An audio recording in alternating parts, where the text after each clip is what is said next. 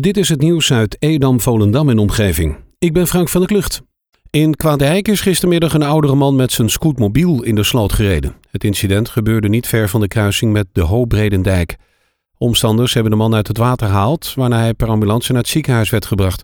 Omdat de scootmobiel met een kraan van de buur uit het water werd gehaald, hoefde de brandweer niet in actie te komen.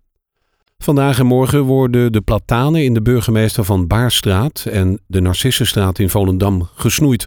Om te voorkomen dat spullen beschadigd raken, verzoekt de gemeente iedereen op die dagen geen eigendommen bij de bomen te plaatsen. De schaatster, waar fotograaf Jason Doorzon en inmiddels zo'n beetje heel groot waterland naar op zoek was, is inmiddels gevonden.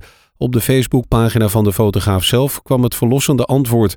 De schaatser zal binnenkort de foto op canvas uit handen van Doorzon ontvangen. Goed nieuws voor ondernemers met contant geld in de kassanade. Vanaf 31 maart gaan alle 250 uitpandige sealback-automaten, waarin verpakt contant geld kan worden gestort, weer open.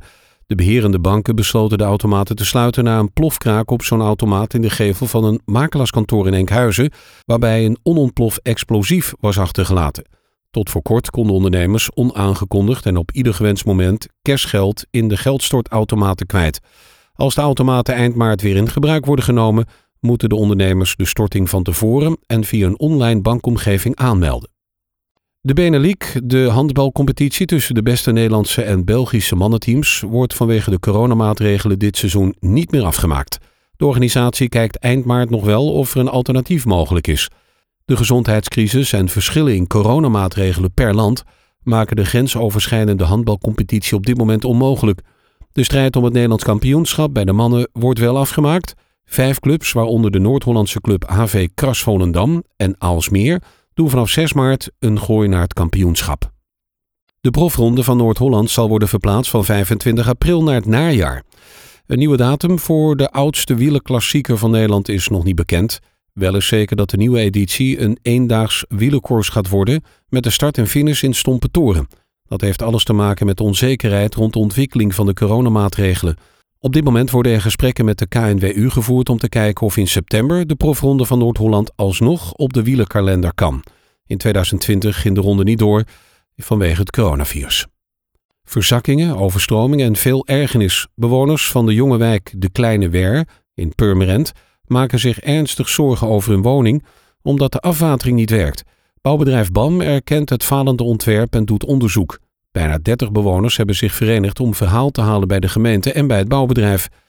Woordvoerder Henny Bruin kent de problemen zelf ook goed, want samen met zijn buren maakt hij filmpjes van de overstromende regenpijpen. Een bouwinspecteur zal 25 maart de woningen gaan bekijken en daarna zal besloten worden welke actie ondernomen moet worden. In Zaanstreek-Waterland is zondag de grens van 22.000 coronabesmettingen gepasseerd. Tussen zaterdagmiddag en zondagmiddag kwamen er 146 nieuwe gevallen bij. Purmerend had 51 nieuwe besmettingen en de meeste besmettingen op één dag. Edam-Volendam komt met 13 nieuwe besmettingen uit in totaal op 2623. In Waterland en Wormeland gaat het goed mis met allebei 13 positieve testen. Ook Landsmeer komt dit weekend in de dubbele cijfers met 14 positieve gevallen. Chico Heldoorn is bijna klaar als burgemeester van Waterland. Zijn laatste raadsvergadering heeft op 18 februari al plaatsgevonden. Sinds 2 maart 2020 is Heldoorn in dienst als waarnemend burgemeester van Waterland. Op 11 maart zal het stokje worden overgedragen aan zijn opvolger, Marian van der Welen. De gemeenteraad stond uitgebreid stil bij het afscheid met foto's, bloemen en herinneringsboek van college en raad met anekdotes en wensen. Heldoorn is van plan om de komende weken op afscheidstournee te gaan in zijn gemeente. Zijn laatste raadsvergadering was daar de aftrap van. Tot zover het nieuws uit Edam, Volendam en omgeving. Meer lokaal nieuws vindt u op de Love Kabelkrant, onze website of in de app.